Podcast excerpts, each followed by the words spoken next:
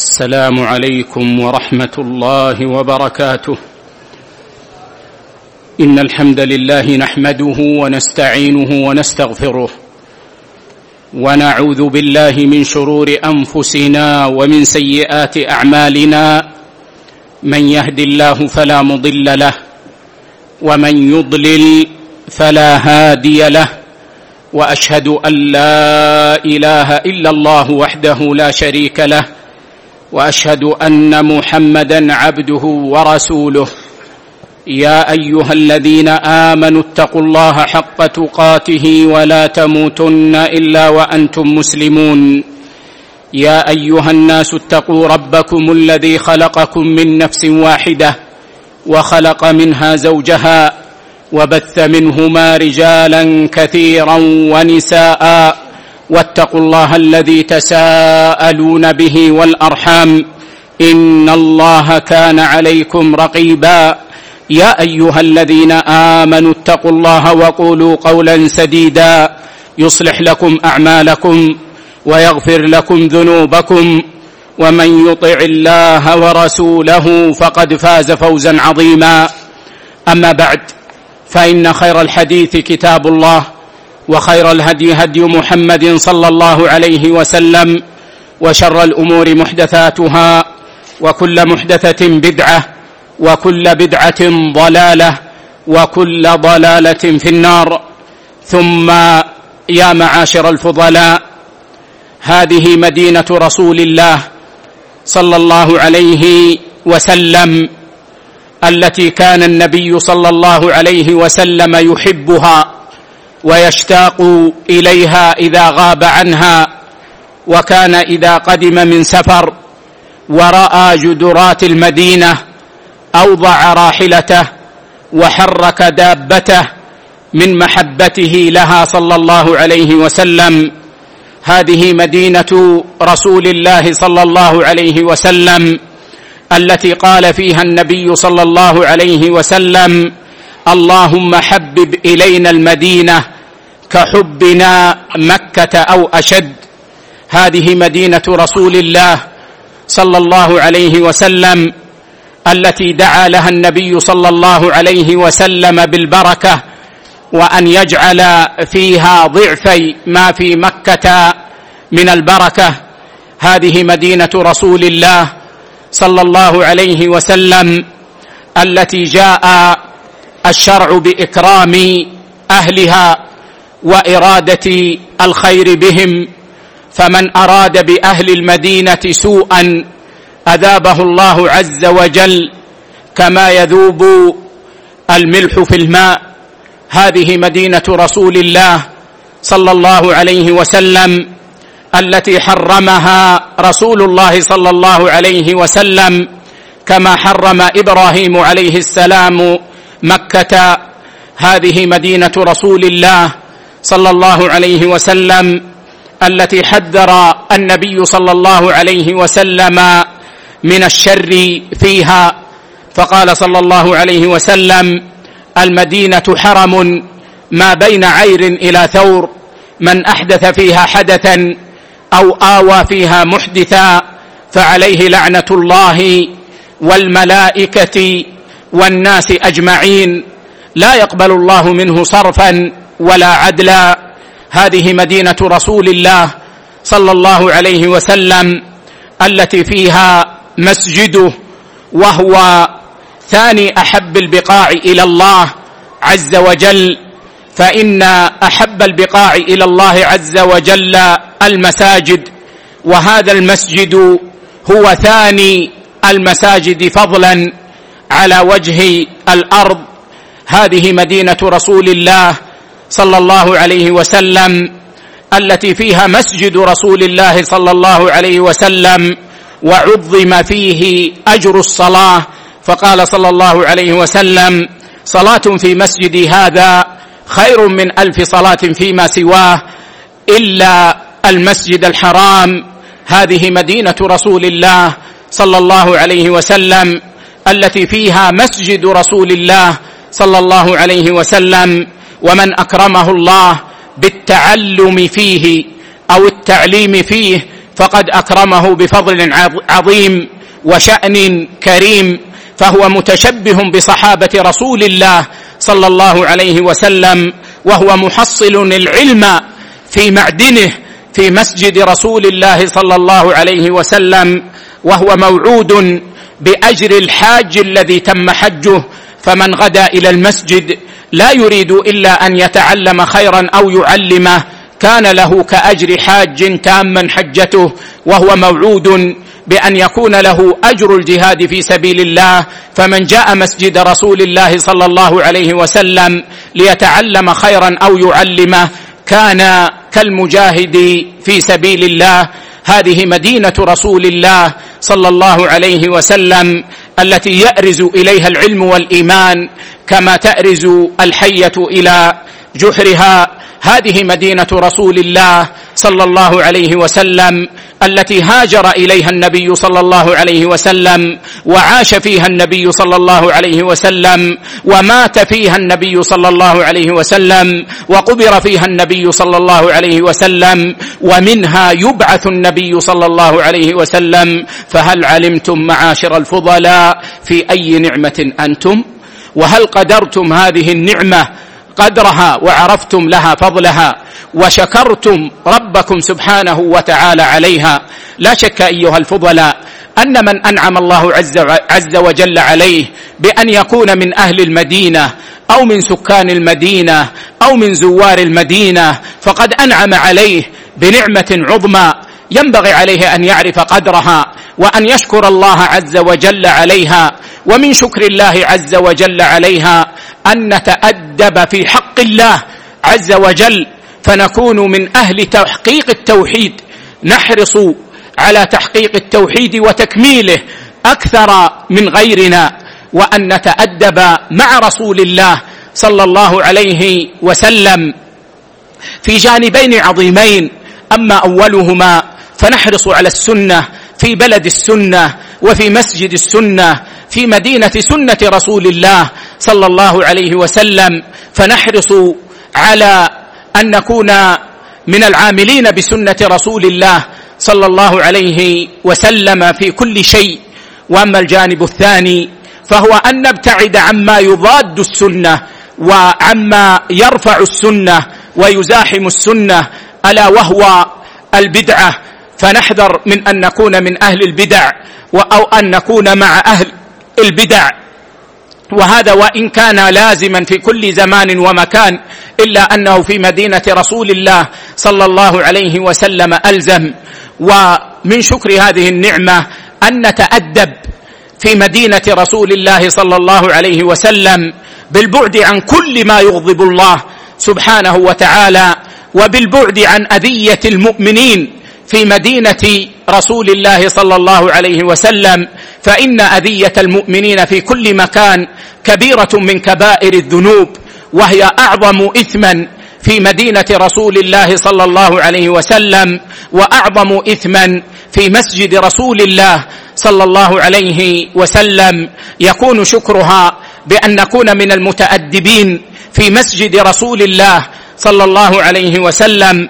فلا نرفع أصواتنا في مسجد رسول الله صلى الله عليه وسلم فإن رفع الصوت في مسجد رسول الله صلى الله عليه وسلم منهي عنه عند السلف وليس من الأدب في شيء وفاعله يستحق العقوبة عند عمر رضي الله عنه وأرضاه. ونتأدب في مسجد رسول الله صلى الله عليه وسلم ولا نؤذي المؤمنين لا بالتصوير ولا بأصوات الموسيقى ولا بمزاحمتهم بما يؤذيهم ويضيق عليهم. كل هذا من شكر آه، نعمة الله عز وجل علينا. نحن أهل المدينة وزوار المدينة آه، آه، الذين أكرمنا الله بهذه المنقبة العظمى. فأسأل الله عز وجل أن يرزقنا شكر هذه النعمة وأن يجعلنا من من المتأدبين وأن يرزقنا جوار النبي صلى الله عليه وسلم في الجنة كما رزقنا جوار آه، جوار قبره في مدينته صلى الله عليه وسلم. ثم أيها الفضلاء إن درسنا في القواعد الفقهية كما هو المعهود في عصر يوم الأحد من كل أسبوع.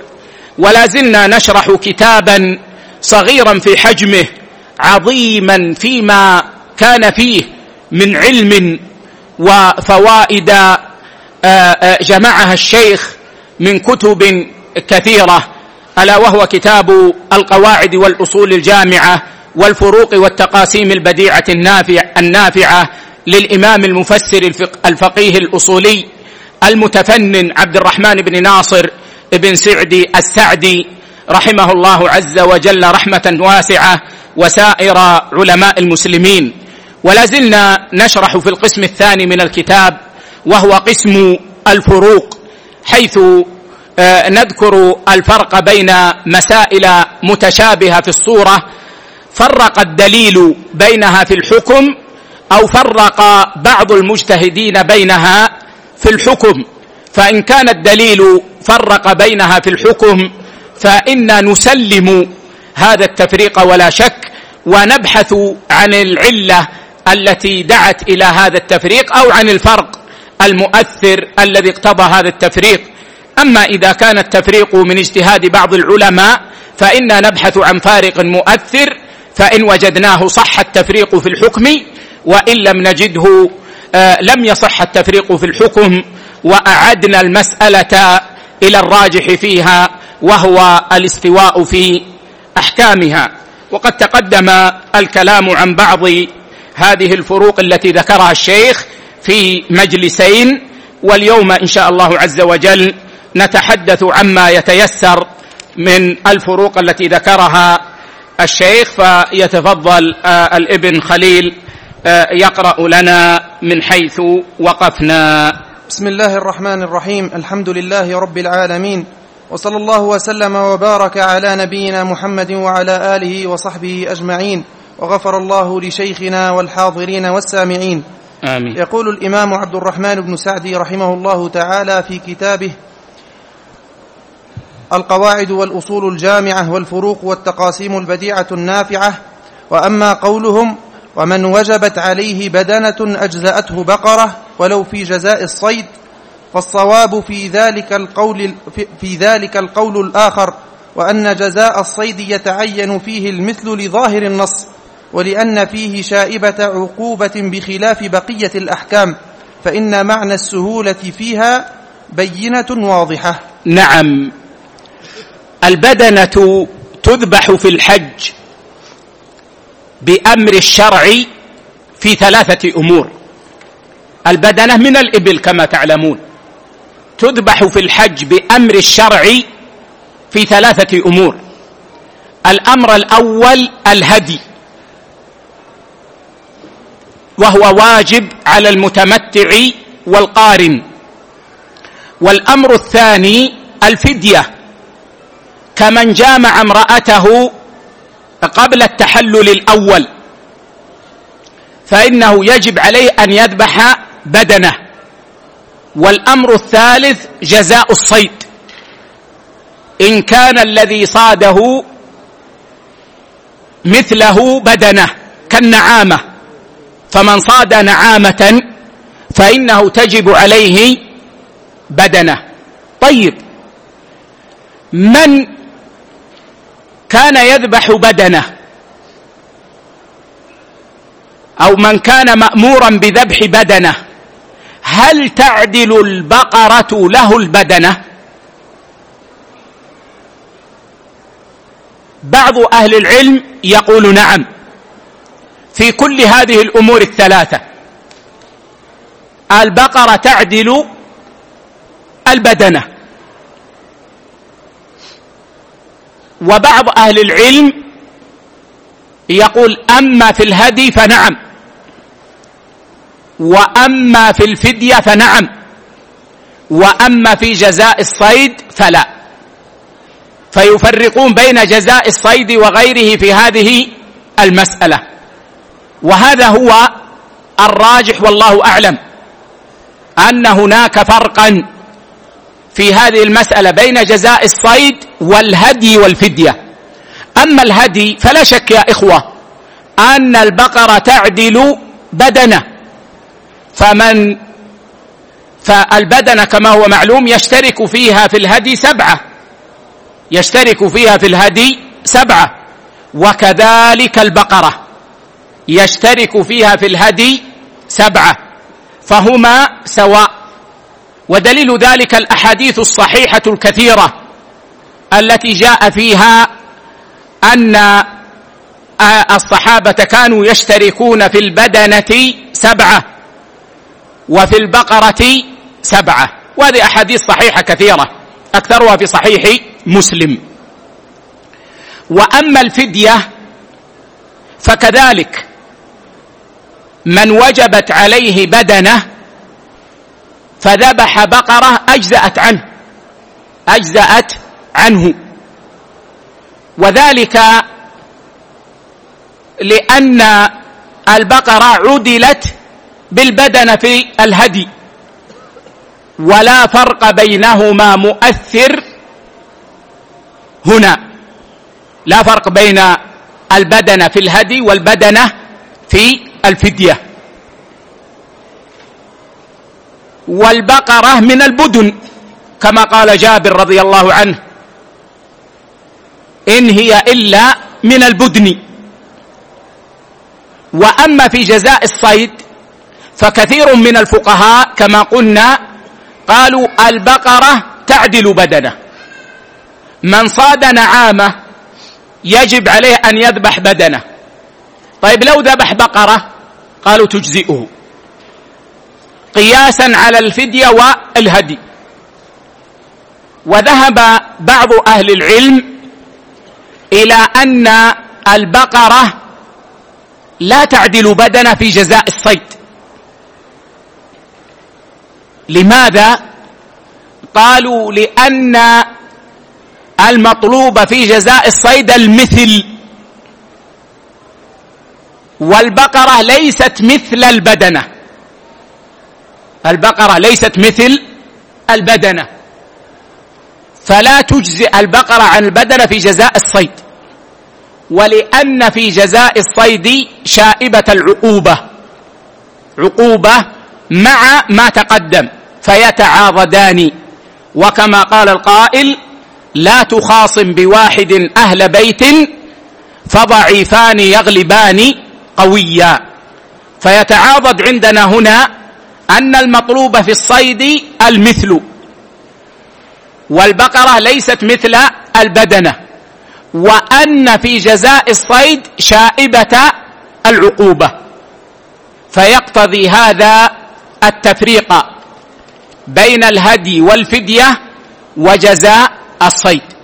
وهذا هو الراجح وهذا هو الراجح. طبعا كما علمتم الجمهور أو الكثير من الفقهاء الذين لا يفرقون يقولون ثبت عن جابر رضي الله عنه أن البقرة من البدن فإنه لما أخبر أنهم كانوا يشتركون السبع في البعير في زمن النبي صلى الله عليه وسلم وقال له قائل وهل يشترك يشترك في البقر كما يشترك في الجزور؟ قال وهل هن إلا من البدن؟ فدل ذلك على أنهن في زمن النبي صلى الله عليه وسلم يعتبرن من البدن. فقالوا ما دام ذلك كذلك فإنها تستوي. لكن الأقرب والأرجح والله أعلم أن جزاء الصيد يقتصر فيه على المثل. قتل نعامة ما مثلها بدنة. اذا يجب بدنة. قتل حمار الوحش ما مثل بقرة. اذا تجب عليه بقره هذا الأرجح والأقرب والله أعلم. نعم. قال رحمه الله تعالى ومن الفروق الصحيحة الثابتة شرعا الفرق بين من ترك المأمور سهوا أو جهلا فلا تبرأ الذمة إلا بفعله وبين فاعل المحظور وهو معذور بجهل أو نسيان فإنه يعذر وتصح عبادته. نعم. تقدم معنا في القواعد شيء من هذا. والشيخ هنا يقول من الفروق الصحيحة الثابتة شرعا الفرق بين من ترك المأمور سهوا أو جهلا فلا تبرأ الذمة إلا بفعله. من ترك المأمور ناسيا أو جاهلا قال الشيخ لا بد أن يأتي به. إن كان مما يمكن تداركه. إن كان مما يمكن تداركه. مثل قول النبي صلى الله عليه وسلم من نام عن صلاة أو نسيها فليصلها إذا ذكرها لا كفارة لها إلا ذلك. من نام عن صلاة أو نسيها. الصلاة مأمور بها. طيب نسي الصلاة. هل تسقط بالنسيان؟ الجواب لا. يجب أن يصليها متى؟ ما تذكرها. لأنه يمكن تداركها يمكن تداركها. أيضا النبي صلى الله عليه وسلم رأى رجلا يصلي وقد ترك موضع ظفر في قدمه لم يصبه الماء. فأمره النبي صلى الله عليه وسلم أن يعيد الوضوء والصلاة. أن يعيد الوضوء والصلاة. فهذا مأمور به. يمكن تداركه. أما إذا كان لا يمكن تداركه فات. فإن كان له بدل انتقل إلى بدله.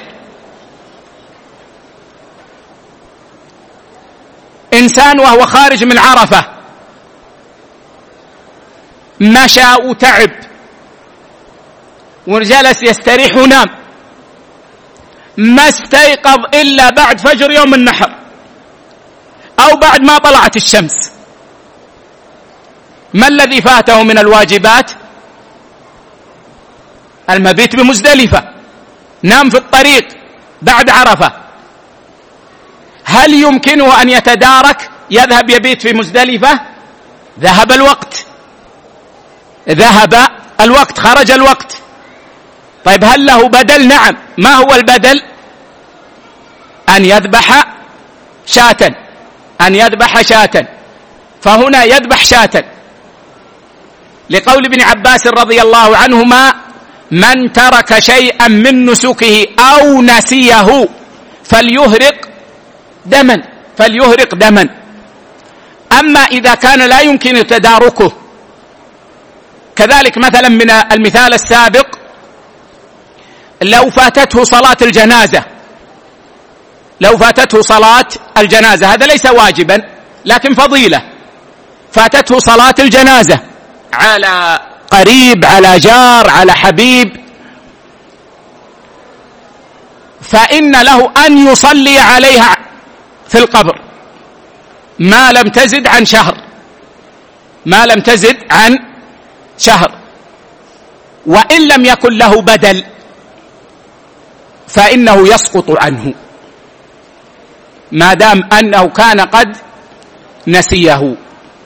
والشيخ سوى بين الجهل والنسيان. والصواب ما قدمناه في القواعد. أن ما من ترك المأمور به جهلا فإنه يؤمر بواجب الوقت. إذا كان لم يفت يؤمر به. مثل هذا الرجل الذي توضأ وترك موضع ظفر. لم يصبه الماء. هذا نوع من أنواع الجهل.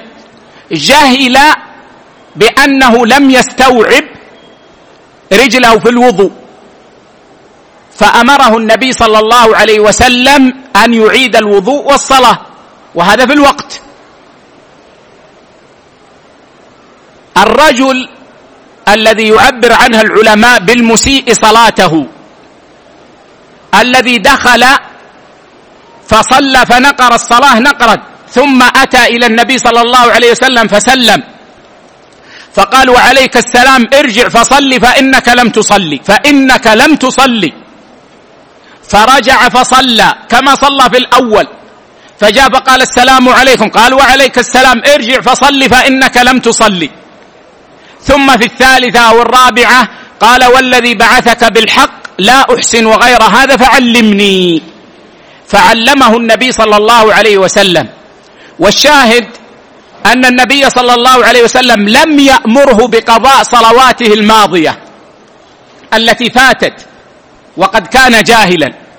وإنما أمره بإصلاح صلاة الوقت التي كانت في حضرة النبي صلى الله عليه وسلم. وهذا الراجح في الجهل بالنسبة لمن جهل المأمور به. وإن كان الأفضل إن كان الأمر قليلا أن يأتي به أن يقضيه. ما دام أنه يمكن أن يقضى إبراء للذمة وموافقة لقول أكثر علماء الأمة ما لم يكن فيه مشقة زائدة. قال فإنه يعذر. آه، فلا تبرأ الذمة إلا بفعله. وبين فاعل المحظور ما هو المحظور؟ المنهي عنه. المنهي عنه. يا إخوة المأمور به المطلوب إيجاده.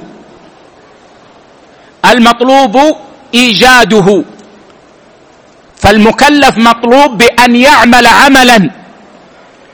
أما المحظور فالمطلوب تركه. المطلوب أن تبرأ الذمة منه. لا تزني. المطلوب أن تبرأ الذمة من الزنا.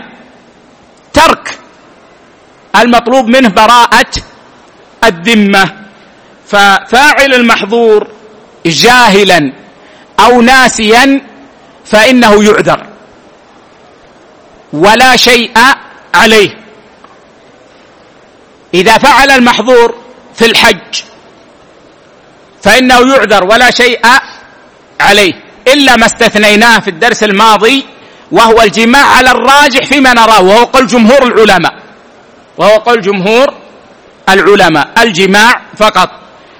من فعل المحظور في الصيام ف وهو لا وهو جاهل أو ناسي فإن صومه صحيح. فإن صومه صحيح ولا يجب عليه شيء إلا إذا كان في حق المخلوقين فإن عليه الضمان. لا إثم عليه نعم لكن عليه الضمان. من أتلف مال مسلم جاهلا أو ناسيا فلا إثم عليه لكن عليه أن يضمنه لصاحبه. أن يضمنه لصاحبه نعم. قال رحمه الله تعالى وذلك في الصلاة إذا وذلك في الصلاة. حقيقة ليس ليست هذه العبارة عندي مستقيمة. لأنه ليس مقصود الشيخ أن ذلك في الصلاة فقط. فراجعت نسخة الشيخ ابن عثيمين رحمه الله فوجدت فيها فمن ذلك في الصلاة. فمن وهذا الصحيح. فمن ذلك في الصلاة. نعم. قال رحمه الله فمن ذلك في الصلاة إذا ترك الطهارة أو السترة ناسيا أو جاهلا ونحوها فعليه الإعادة. نعم. إذا ترك الطهارة فصلى بغير وضوء ناسيا. ناسي. أحدث. ثم نسي أنه أحدث وظن أنه على وضوء الظهر.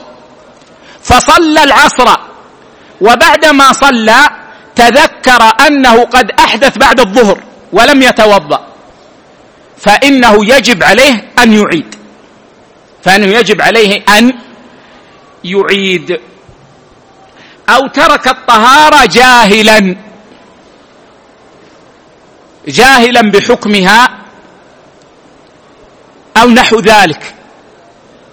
فعلى قول المصنف وهو قول جمهور أهل العلم يجب عليه أن يعيد ولو تطاول الزمان. ولو تطاول الزمان. والراجح أنه إذا علم الحكم في وقت ما صلى فإنه يجب أن يعيد ما صلى.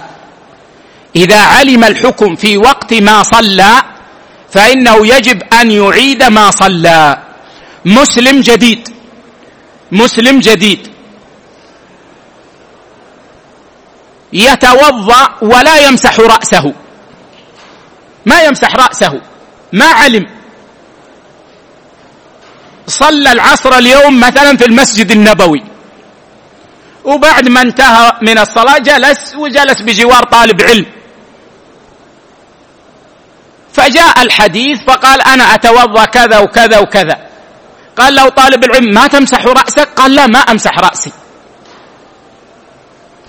منذ متى قال أنا أسلمت من شهر وأنا أصلي هكذا. الراجح أن طالب العلم يقول له اذهب الآن وتوضأ وامسح رأسك يعلمك كيف يتوضأ وصل العصر. لأنه علم في وقت العصر. أما ما مضى فإنه لا يكلف به. لأن التكليف فرع العلم. التكليف فرع العلم فما يجب عليه أن يقضيه. لكن لو قضاه فإنه لا يمنع من هذا وهو أمر حسن لكن لا يلزم به على الراجح من أقوال أهل العلم. أو السترة. السترة هنا يا إخوة ليست سترة المصلي سترة العورة ستر العورة ستر العورة. وستر العورة كما تقدم معنا في الفقه شرط لصحة الصلاة. فإن ترك ستر العورة ناسيا ثم علم وتذكر فإنه يجب أن يعيد ما صلى. وإن كان جاهلا فعلى التفصيل الذي ذكرناه. نعم. قال رحمه الله تعالى وإن صلى وقد نسي نجاسة على ثوبه أو بدنه فصلاته صحيحة. على الراجح من أقوال أهل العلم. من أصابت ثوبه نجاسة ثم نسيها فصلى بالثوب. فإن صلاته صحيحة على الراجح لأن النبي صلى الله عليه وسلم صلى ذات يوم بأصحابه صلى في نعله صلى الله عليه وسلم. فلما كان في الصلاة خلع نعليه فخلع الصحابة نعالهم. وهكذا كان شأن السلف. إذا علموا الشيء عن النبي صلى الله عليه وسلم امتثلوا. ما يقفون يسألون لماذا؟ وهذا واجب ولا ما هو واجب؟ شأنهم الامتثال. يكفيهم أن أشرف الرسل عليه الصلاة والسلام فعل. لما رأوا خلع نعليه خلعوا نعاله. فلما فرغ سألهم صلى الله عليه وسلم عن خلعهم نعالهم فقالوا رأيناك خلعتنا عليك فخلعنا نعالنا. فقال إن جبريل عليه السلام أتاني فأخبرني أن فيهما قذرا أي نجاسة فخلعتهما. أين وجه الدلالة هنا؟ أن النبي صلى الله عليه وسلم أتم صلاته مع أن أول صلاته كان لابسا نعليه صلى الله عليه وسلم وفيهما النجاسة لكن لم يعلم به بها. فلما علم خلع وأتم خلع وأتم. فدل ذلك على أن وجود النجاسة مع الجهل بها أو النسيان لها لا يبطل الصلاة. لا يبطل الصلاة. هذا هو الراجح من أقوال أهل العلم. نعم. قال رحمه الله تعالى وكذلك الصيام والحج والعمرة وبقية العبادات إذا ترك فيها المأمور لا بد من فعله أو فعل بدله. على ما فصلنا. نعم. وإذا فعل المحظور فهو معذور. فلا حرج عليه ولا إعادة ولا بدل. إلا إذا دل دليل خاص على غير هذا كما في الجماع في الحج على ما قررناه. نعم. قال رحمه الله واختاره شيخ الإسلام ابن تيمية وطرده في كل المسائل. وهذا الأصل أنه مضطرد في كل المسائل إلا إذا وجد دليل يخرج مسألة من المسائل عن هذه القاعدة. نعم. قال رحمه الله أما, أما المشهور من المذهب فإنهم لم, فإنهم لم يستقر لهم قرار فتارة يفرقون وتارة يجمعون ويوجبون على الجميع القضاء. المقصود أنهم لم يطردوا القاعدة في جميع المسائل فتارة يقولون بالعذر وتارة لا يقولون بالعذر. ولا شك أنهم يعللون في كل موطن لكن التعليل لا يلزم منه أن يكون صحيحا. نعم. قال رحمه الله تعالى فجمعوا بين من صلى محدثا ناسيا أو جاهلا ومن صلى وعلى ثوبه أو بدنه نجاسة وقد نسيها أو جهلها. فأوجبوا الإعادة على هذا وهذا. نعم. جمعوا بين من صلى محدثا ناسيا أو جاهلا.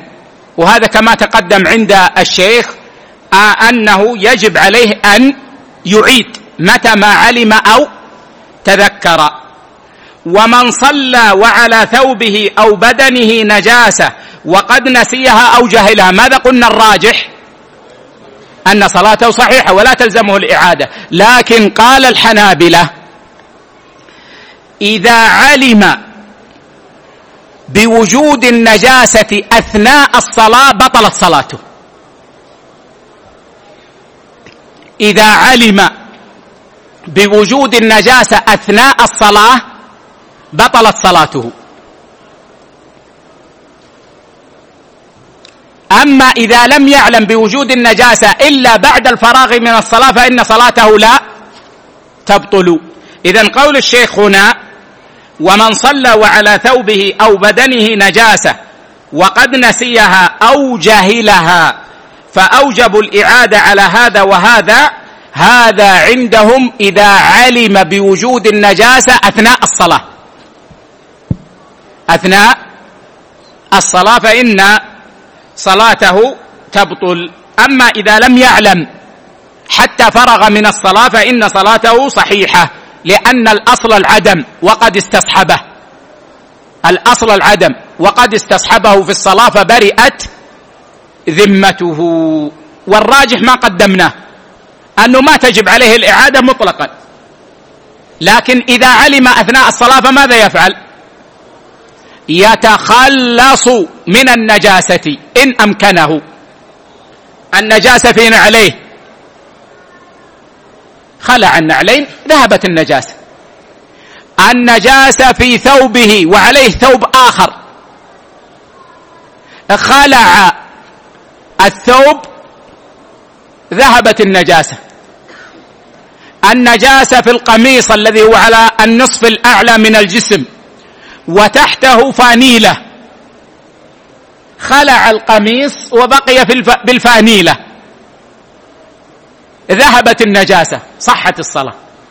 أما إذا لم يمكن إزالة النجاسة إلا بالإخلال بشرط ستر العورة فإنه يجب عليه أن يخرج من الصلاة. إنسان بال ولده على ثوبه. بال ولده الذي أكل الطعام على ثوبه. وقال سأغسله إن شاء الله. ووضع الثوب. هذا بعد صلاة الفجر. عند صلاة الظهر أذن المؤذن نسي الموضوع. لبس الثوب وعليه سروال قصير. عليه سروال قصير ولبس الثوب وذهب يصلي. لما قام الإمام إلى الركعة الثانية تذكر أن ثوبه هذا الذي عليه أصابته النجاسة. الآن إذا خلع الثوب ماذا يقع؟ تنكشف عورته التي يجب سترها في الصلاة. هنا نقول يجب أن يخرج من الصلاة. ما يجوز أن يستمر في الصلاة وقد تذكر النجاسة. بل يجب أن يخرج من الصلاة ويعني يزيل النجاسة ثم يعود ويدخل في الصلاة من أولها. نعم. قال رحمه الله تعالى وكما فرقوا وجمعوا بين من نسي وهو صائم فأكل وشرب فلا يبطل فأكل. فأكل فأكل وشرب فلا يبطل صيامه ومن جهل الأمر أو الحكم. نعم فرقوا هنا. فقال الحنابلة من أكل أو شرب وهو صائم ناسيا فإن صومه صحيح. ولا يبطل ويتم صومه سواء كان فرضا أو نفلا. لقول النبي صلى الله عليه وسلم إذا نسي فأكل أو شرب فليتم صومه فإنما أطعمه الله وسقاه كما عند البخاري في الصحيح. فقالوا النص جاء بهذا. أما إذا أكل جاهلا أن الأكل يفطر الصائم. مسلم جديد عرف الصيام. لكن ما درى أن الأكل يفطر الصائم فأكل. أو مثلا كان مبتلى والعياذ بالله بشرب الدخان. فما علم أن شرب الدخان يفطر الصائم. فشرب الدخان. يقول الحنابل عليه أن يقضي. عليه أن يقضي أفطر وعليه أن يقضي وإن كان جاهلا. طيب لماذا يا حنابل فرقتم بين الجهل والنسيان هنا؟ قالوا لأن الأصل أن من أكل أو شرب فإنه يفطر. وجاء النص رخصة في الناس. فأعملنا النص في الناس. وبقي الجاهل على الأصل. وبقي الجاهل على الأصل. والصحيح أن الحكم واحد. أن الحكم واحد. فمن أكل أو شرب جاهلا فإن صومه صحيح. وذلك لقول الله عز وجل في دعاء المؤمنين المبارك. ربنا لا تؤاخذنا إن نسينا أو أخطأنا. قال الله نعم. كما في الحديث. ووجه الدلالة أن الله جمع بين الخطأ والنسيان. وقال نعم لهما. والخطأ يدخل فيه الجهل. فهما سواء في ميزان الشرع. الجهل والنسيان. ولأن عديا رضي الله عنه كان يضع تحت وسادته خيطين أبيض وأسود ويأكل ويشرب ويرفع الوساده وينظر ما تبين الخيط الأبيض من الخيط الأسود؟ يأكل حتى يتبين له الخيط الأبيض من الخيط الأسود. وهذا معروف إذا ظهر النور. فأخبر النبي صلى الله عليه وسلم فقال له إن وسادك اذا لعريض. لو كان وسادك يدخل تحته الخيط الأبيض والخيط الأسود الذي أراده الله عز وجل في الآية لكان عريضا بسعة الأفق. وليس صحيحا أن النبي صلى الله عليه وسلم كنا عن الغباء بهذا. لا بل الكلام على ظاهره. إن وسادك اذا لعريض. وجه الدلالة أن النبي صلى الله عليه وسلم لم يأمر عديا بقضاء ما مضى. لم يامره بقضاء ما مضى. فدل ذلك على أن من أكل أو شرب جاهلا فإن صومه صحيح. فإن صومه صحيح. هذا هو الراجح من أقوال أهل العلم. إذا لا فرق بين النسيان والجهل في الأكل والشرب حال الصيام بل حكمهما واحد. أن يتم صومه ولا قضاء عليه. هذا هو الراجح من أقوال أهل العلم. نعم.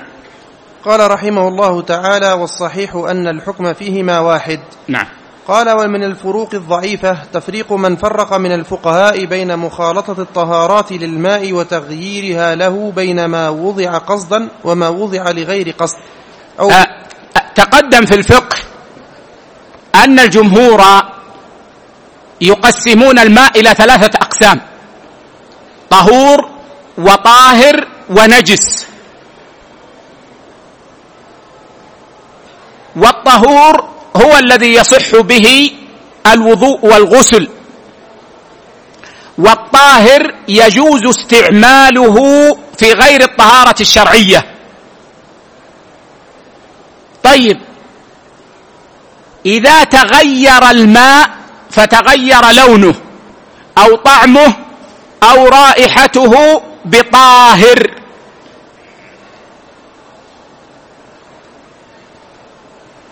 جاء بزعفران قليل ووضعه في الإناء.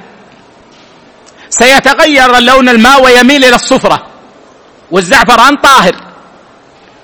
أخذ من شراب التوت شيء يسير ووضعه في الماء. تغير لونه إلى شيء من الحمرة.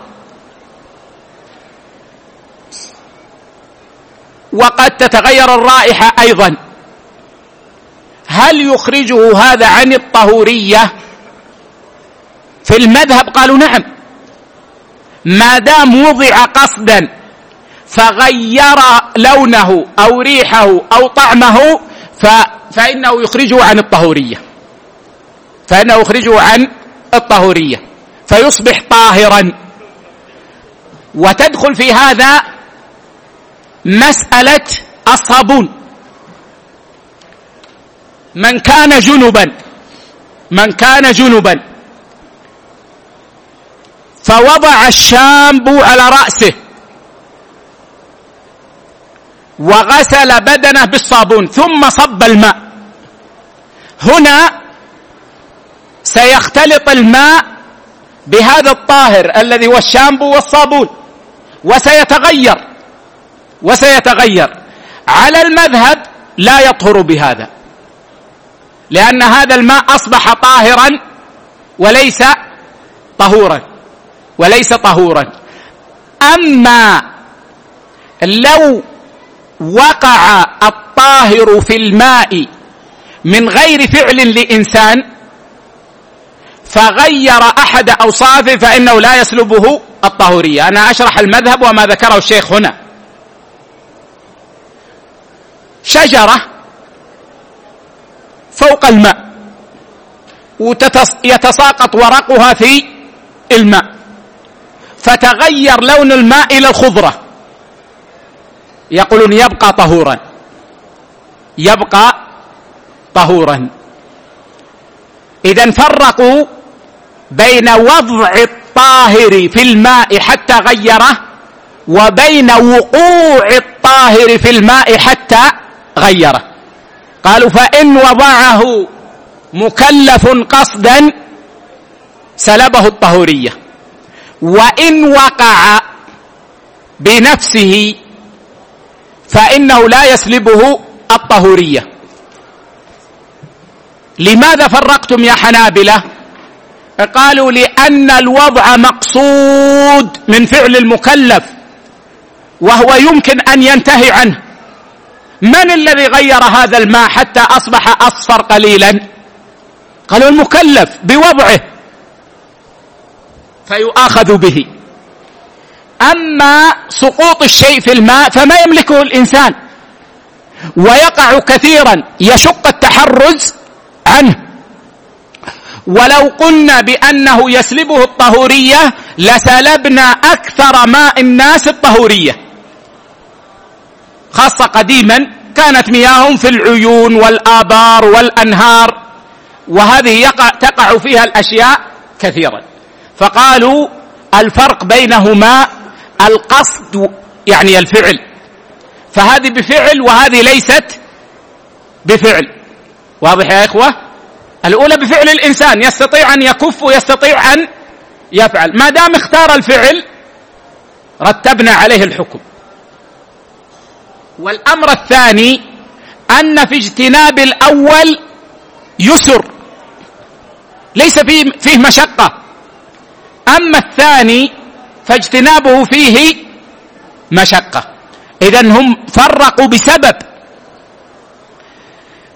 لكن الراجح من أقوال أهل العلم أن الطاهر إذا وقع في الماء الطهور فغيره غير لونه غير رائحته غير طعمه لا يسلبه الطهورية إلا إذا سلبه اسم الماء. عندك إناء تريد أن تتوضأ فيه فسقطت فيه حبة هيل. أو أسقطت أنت في حبة هيل. سيصبح مرا قليلا. ستصبح له رائحة غير رائحة الماء. هل يبقى طهورا؟ نعم. يبقى طهورا. يبقى طهورا. قليل من التوت من شراب التوت هذا المركز وقع في الإناء فصار في حمرة. هل يبقى طهورا ونتوضأ به ونغتسل به غسل الجنابة وتغتسل المرأة غسل الحيض؟ نعم. يبقى طهورا. لكن أتينا بكمية من شراب التوت وأضفناها إلى الإناء حتى أصبح أحمر. الآن يسمى ماء ولا يسمى شراب التوت عند الناس؟ شراب التوت. لو قلت لك أحضر لي ماء فأحضرت لي كأسة من شراب التوت لا عاتبتك. وقلت أنت ما تفهم؟ أقول لك ما تأتيني بشراب التوت. هنا خرج عن كونه ماء فلا يتوضأ به. أما ما دام لم يسلبه اسم الماء فإنه يبقى طهورا لأنه هو الأصل ولم يات دليل. على أنه إذا تغير بطاهر يسلب الطهورية. نعم. قال رحمه الله تعالى ومن الفروق الضعيفة تفريق من فرق من الفقهاء بين مخالطة الطاهرات للماء وتغييرها له بين ما وضع قصدا وما وضع لغير قصد أو بمقره أو بممره أو بمقره. بمقره أي بمكثه. أي بمكثه. مثل أن يبقى الماء في أرض. فيتغير لونه بهذه الأرض. فإنه يبقى طهورا. هو تغير بطاهر. يقولون يبقى طهورا. أو بممره أي بمروره على طاهر.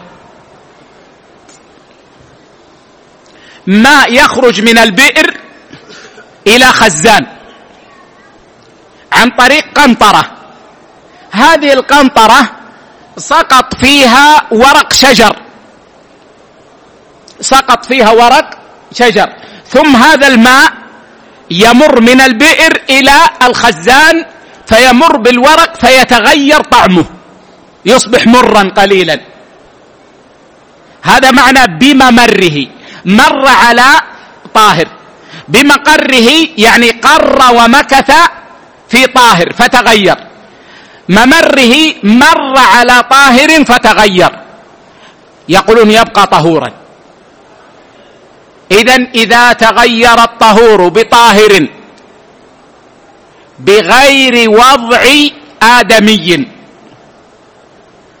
أو بمقره أو بممره فإنه عندهم طهور.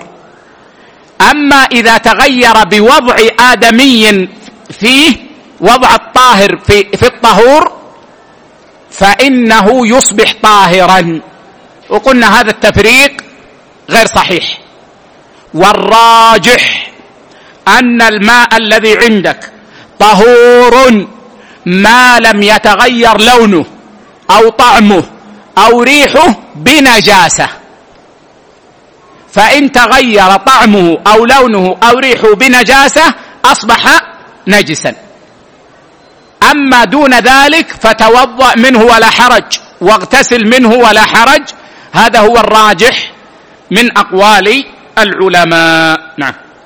قال رحمه الله تعالى وأنه يسلبه الطهورية في الأول دون الثاني. نعم كما شرحنا نعم. قال والصحيح أن الحكم فيهما واحد وأن الماء باق على طهوريته حتى تغيره النجاسة وأن تفريقهم المذكور يدل على ضعف القول من أصله. على ضعف القول من أصله يعني على ضعف التفريق بين الطهور والطاهر.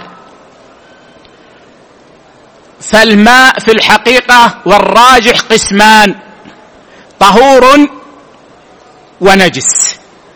طهور ونجس هذا هو الراجح. نعم. قال رحمه الله تعالى لأنه تفريق بين متماثلين. والشريعة لا تفرق بين متماثلين فهي عدل كلها. نعم. قال رحمه الله فكلها قد غيرها الطاهر تغييرا ممازجا. نعم. قال رحمه الله ومن الفروق الضعيفة كراهة السواك للصائم بعد الزوال لا قبله. نعم. كراهة السواك للصائم بعد الزوال لا قبله. هذا كما تعلمون عند الشافعية والحنابلة. يقولون لا يستحب السواك بعد الزوال للصائم. لا يستحب السواك للصائم بعد الزوال. ثم اختلفوا في كل مذهب. هل هو مكروه بعد الزوال أو غير مكروه؟ يعني أما أنه لا يستحب فهم يقولون لا يستحب.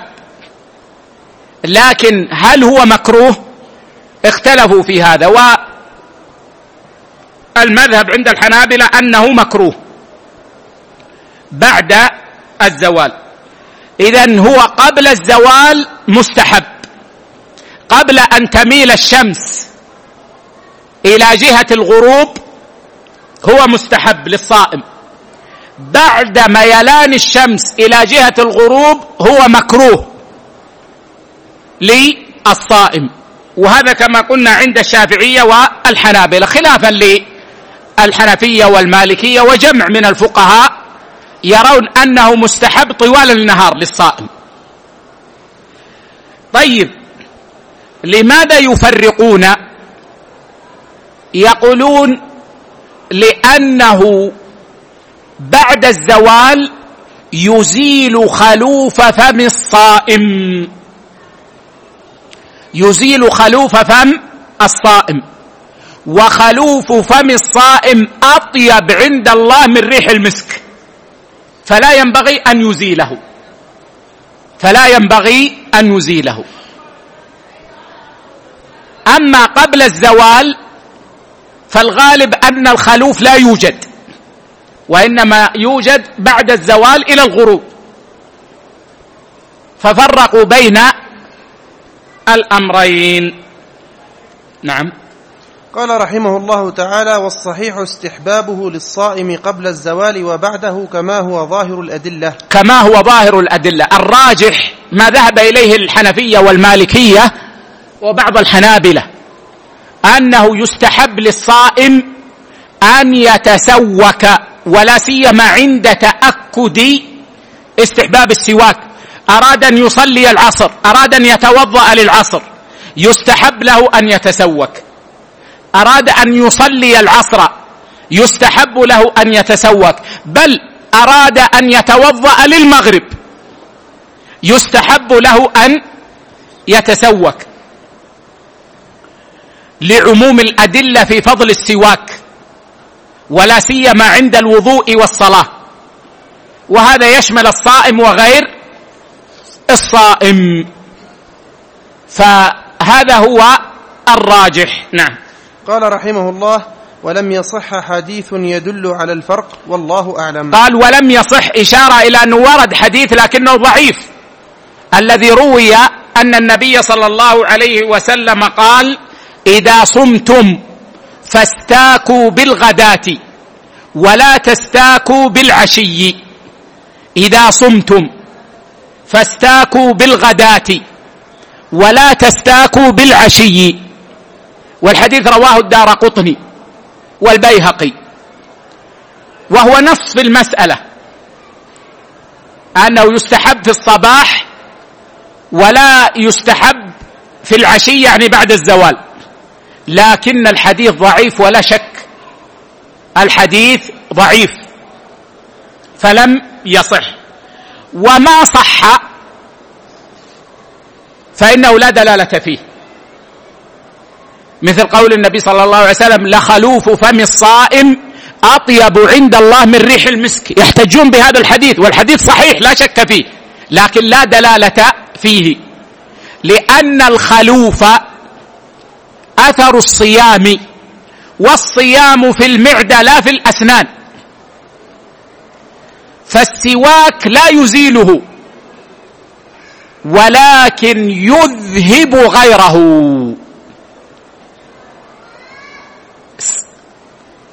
الصائم تخرج من فمه رائحة. هذه الرائحة نوعان رائحة من المعدة لأنه صائم لله. فتخرج الرائحه من معدته. هذا هو الخلوف. وهو أطيب عند الله من ريح المسك. والنوع الثاني من الأسنان. من الفم للسكوت مثلا. فهذا هو الذي يذهبه السواك. وفي السواك تحقيق لهذا الحديث. لأنك إذا تسوكت أذهبت الرائحة المذمومة وأبقيت الرائحة الطيبة التي هي الخلوف. فالصحيح أنه يستحب السواك للصائم في اليوم كله. نعم. قال رحمه الله تعالى ومن الفروق الضعيفة تفريقهم بين البيع والإجارة وأن العيب في المبيع موجب للرد أو الأرش. طيب طيب هذه اتركها لأنها مسألة فيها شيء من الطول. فلعلنا نقف هنا ونجيب عن بعض أسئلة إخواننا والله أعلم. جزاكم الله خيرا وبارك فيكم ونفع بما قلتم الإسلام والمسلمين. يقول السائل حفظكم الله. في مدينتنا مسجد ينفق عليه من الصدقات التي تجمع في الصناديق التي داخل المسجد وهذه الصدقات لا تكفي للوفاء بحاجيات المسجد الشهرية فمن يجب عليه أن يقوم بحاجيات المسجد وهل يأثم المصلون عند عدم مساعدتهم في ذلك؟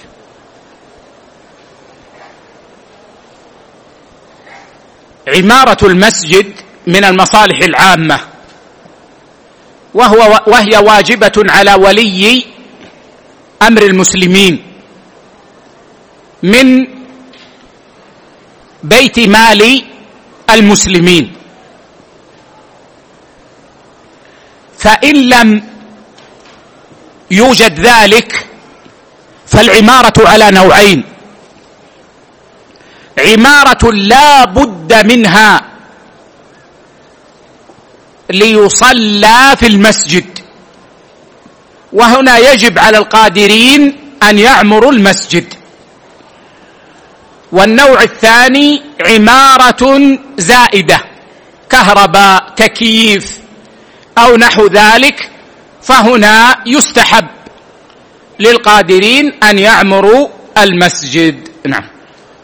أثابكم الله يقول السائل هل ضمان مال المسلم يشترط له التعدي والإفراط. سبق في القواعد أن الأيدي على المال نوعان يد ضمان ويد أمانة. أما يد الضمان فإنها تضمن على كل حال تعدت أو قصرت أو لم تتعد ولم تقصر. وأما يد الأمانة فإن صاحبها لا يضمن إذا تلف المال إلا إذا تعدى ففعل ما لا يجوز أو قصر فترك ما يجب فعله فهنا يضمن إذا تعدى أو قصر. نعم. أثابكم الله يقول السائل شاب كثيرا ما يستيقظ من نومه قبيل صلاة الصبح فيجد في ثوبه بللا ولا يتذكر احتلاما ولا يحدث له هذا إلا قبيل الفجر. قال لأنه إذا استيقظ من الليل لا يجد هذا البلل. قال فهل يجب عليه الغسل كل مرة؟ وإذا لم يجد الماء فماذا عليه؟ لا لا يجب عليه إلا أن يعلم أنه مني والمني يعلم برائحته. ويعلم بلونه ويعلم بجفافه. فإذا لم يعلم أنه مني فلا يلزمه الغسل. وإن وجد بللا ورطوبة لأن الأصل السلامة من المني وهو أيضا لا يتذكر احتلاما. فلا يجب عليه أن يغتسل إلا إذا علم أن هذه الرطوبة مني. نعم. سلمكم الله يقول السائل أنا حديث عهد بزواج ومن الله علي بالإقامة في مدينة رسول الله صلى الله, الله عليه وسلم فما هي نصيحتكم لي ولزوجتي؟ لعله وافق السؤال ما قدمنا به في أول الدرس وأنا أرى أن سكان المدينة بحاجة إلى أن يذكروا بوجوب الأدب في مدينة رسول الله صلى الله عليه وسلم ما بين الفينة والفينة فإنهم في أمر عظيم والشيطان يحرص على أن يفسد عليهم خيرهم ليجعلهم أسوأ من غيرهم بأن لا يتأدبوا في مدينة رسول الله صلى الله عليه وسلم. فلعل الأخ يستمع لما ذكرناه. في أول الأمر فهذه وصيتي لنا جميعا. من أكرمنا الله عز وجل بسكنى مدينة رسول الله صلى الله عليه وسلم. أحسن الله إليكم يقول السائل زوجتي حامل وتريد أن تنجب في إحدى دول الكفر. مع العلم أنها هاجرت معي ونحن نقيم في بلدة مسلمة والظروف الطبية فيها ليست بجيدة فهل يجوز لها ذلك؟ أخشى أن هذا من الشيطان. فإن الطب ولله الحمد والمنة ليس بهذا السوء في ديار المسلمين حتى أنهم لا لا يحسنون توليد المرأة. فالطب موجود ولله الحمد والمنة وإن كان بعض الدول أحسن من بعض. فلا أنصحها. بأن تذهب إلى بلاد الكفر. وإن كان ولا بد فلتذهب إلى دولة مسلمة من الدول التي يكون الطب فيها متقدما. من أجل أن تلد. وأنا أخشى أن الشيطان يريد أن يفسد عليها هجرتها. وتذهب هناك أيضا من أجل أن يحصل الولد على جنسية الدولة الكافرة. ما دام أن الله أنعم عليها بالهجرة ووجدت مكانا تهاجر إليه فلا تفسد هجرتها. ولتلد في بلدها. وإن كان ولا بد فلتنتقل إلى بلد مسلم من البلدان المتقدمة في الطب وتلد هناك إن شاء الله. نعم. أحسن الله إليكم يقول السائل إذا كان جماعة من المسلمين يصلون على سجاد واحد كبير فتنجس أثناء الصلاة فماذا عليهم؟ إذا لم تصل النجاسة إلى الموطن الذي يصلون فيه فصلاتهم صحيحة. إذا تنجس طرف السجاد وهو ليس في الموطن الذي يصلون فيه فالصلاة صحيحة والحمد لله. وإذا وصلت النجاسة إلى الموطن الذي هم فيه فليبتعدوا عن هذا. الموطن إلى موطن لا لا تكون النجاسة قد أصابته ولا يضرهم تحركهم أثناء الصلاة من أجل مصلحة الصلاة. نعم. أثابكم الله يقول السائل أنا طالب علم وأعاني من مس. سؤال عن سجادة كبيرة ولهذا كان الجواب كما قلنا. نعم. حفظكم الله يقول أنا طالب علم وأعاني من مس منذ فترة وقد أتعبني كثيرا وأثر على طلبي للعلم. فماذا تنصحونني؟ النصيحة أن تصبر والبلاء للمؤمن خير والابتلاء على قدر الصلاح. ولذلك كان أشد الناس بلاء الأنبياء. ثم الأمثل فالأمثل. وكان النبي صلى الله عليه وسلم أصيب بأنواع من البلاء. فقد سحرته امرأة يهودية. سممته امرأة يهودية. وضعت السم في الشاه وقدمتها هدية. فلما وضع النبي صلى الله عليه وسلم قطعة في فمه أخبرته الشاه أنها مسمومة. فأمر أصحابه بأن يكفوا وكان بعضهم قد أكل فمات. وسحر صلى الله عليه وسلم وأثر فيه السحر في غير دينه. حمى الله دينه. وإنما أثر فيه السحر في أموره العادية. فكان يخيل إليه مثلا أنه أتى امرأته وهو لم يأتها. صلى الله عليه وسلم. وكان صلى الله عليه وسلم يوعك وعكا شديدا فيصاب بالحمى. حتى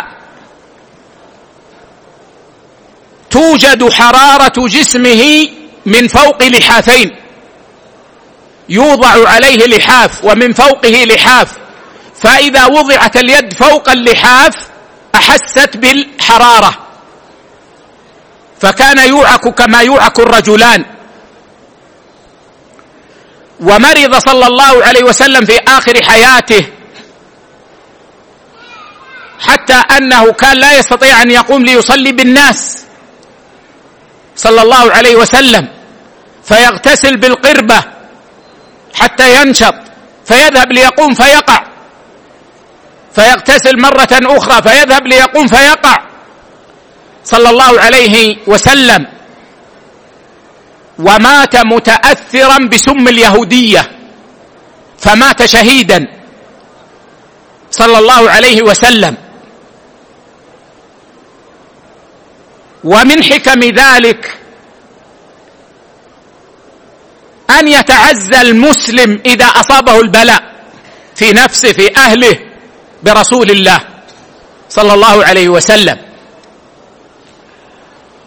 وقال النبي صلى الله عليه وسلم عجبا لأمر المؤمن إن أمره كله له خير. إن أصابته سراء شكر فكان ذلك خيرا له وإن أصابته ضراء صبر فكان ذلك خيرا له. ولا تدري لعل الله عز وجل يجعل هذا البلاء رفعة لك عند لقائه. إن أحسنت الصبر والمصابرة والمجاهدة. ويوم القيامة يود أهل العافية لو أنهم نشروا في الدنيا بالمناشير لما يرون من ثواب أهل البلاء. وعليك بأن تجاهد الشياطين. اذهب إلى طلب العلم حتى لو نمت. حتى لو غلب عليك النعاس وجاهد. واصبر وصابر. فإنه يعظم لك الأجر بهذا. وارق نفسك. اقرأ على نفسك. البقرة أو أوائل البقرة. وآية واتبعوا ما تتلو الشياطين على ملك سليمان. وآية الكرسي أو أواخر البقرة. وقول الله عز وجل ولا يفلح الساحر حيث أتى. ما جئتم به السحر إن الله سيبطله. اقرأ على نفسك سورة الواقعة. اقرأ على نفسك سورة الزلزلة. اقرأ على نفسك سورة الكافرون. اقرأ على نفسك المعوذات. اقرأ على نفسك سورة الفاتحة واقرأها سبعا. وانفث مع هذا. وادع بالأدعية المأثورة. أعوذ بعزة الله وقدرته. من شر ما أجد وأحاذر. أعيذك بكلمات الله التامة من كل شيطان وهامة ومن كل عين لامة. بسم الله أرقيك من كل شيء يؤذيك ومن شر كل نفس أو عين حاسد الله يشفيك. بسم الله أرقيك اقرأها على نفسك. ولو بهذا اللفظ وكرر هذا واصبر. وستنصر عليهم إن شاء الله. وإن ابتليت زمنا فالعاقبة للمتقين. نعم. أثابكم الله. هذا أحد الإخوة المعتمرين يسأل يقول هل يجوز أن أقول صدق الله العظيم بعد قراءة القرآن؟ لا شك أن ربنا صادق. وأننا نعتقد إذا سمعنا كلام الله أن هذا كلام صدق لا شك فيه. ومطلوب من المؤمن أن يقول صدق الله عند الحاجة. أما عند قراءة القرآن فلا شك أن أفضل من قرأ القرآن رسول الله صلى الله عليه وسلم. ولم يرد عنه أنه كان يقول صدق الله. وأفضل من قرئ عليه القرآن رسول الله صلى الله عليه وسلم. وما كان يقول للقارئ صدق الله العظيم. وإنما كان يقول حسبك. فلا يشرع أن يقول الإنسان بعد كل قراءة صدق الله العظيم.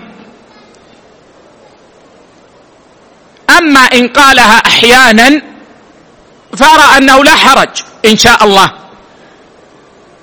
أما أن يلتزم ذلك أو ديانة ويجعل ذلك من الدين وأن من لا يفعل ذلك يكون مخالفا فهذا غير مشروع. ولا ننصح باعتقاده ولا ننصح بفعله. فيقرأ الإنسان أحيانا ويسكت كما هو ظاهر السنة. واحيانا لا بأس إذا أراد أن يقول صدق الله العظيم. أما أن يجعل ذلك ديدنا له فهذا غير مشروع. أو يعتقد أن هذا هو الدين وأن الذي لا يفعل مقصر فهذا افتراء على الدين. ونسبة نسبة شيء إلى الدين لم يثبت. فهذا لا لا لا, لا نوصي بتركه. ونرى أنه لا يجوز. أما أن يقال ذلك أحيانا فلا يشدد في هذا. ولا حرج في هذا إن شاء الله ولعل في هذا كفاية. والله أعلم. وصلى الله على نبينا وسلم.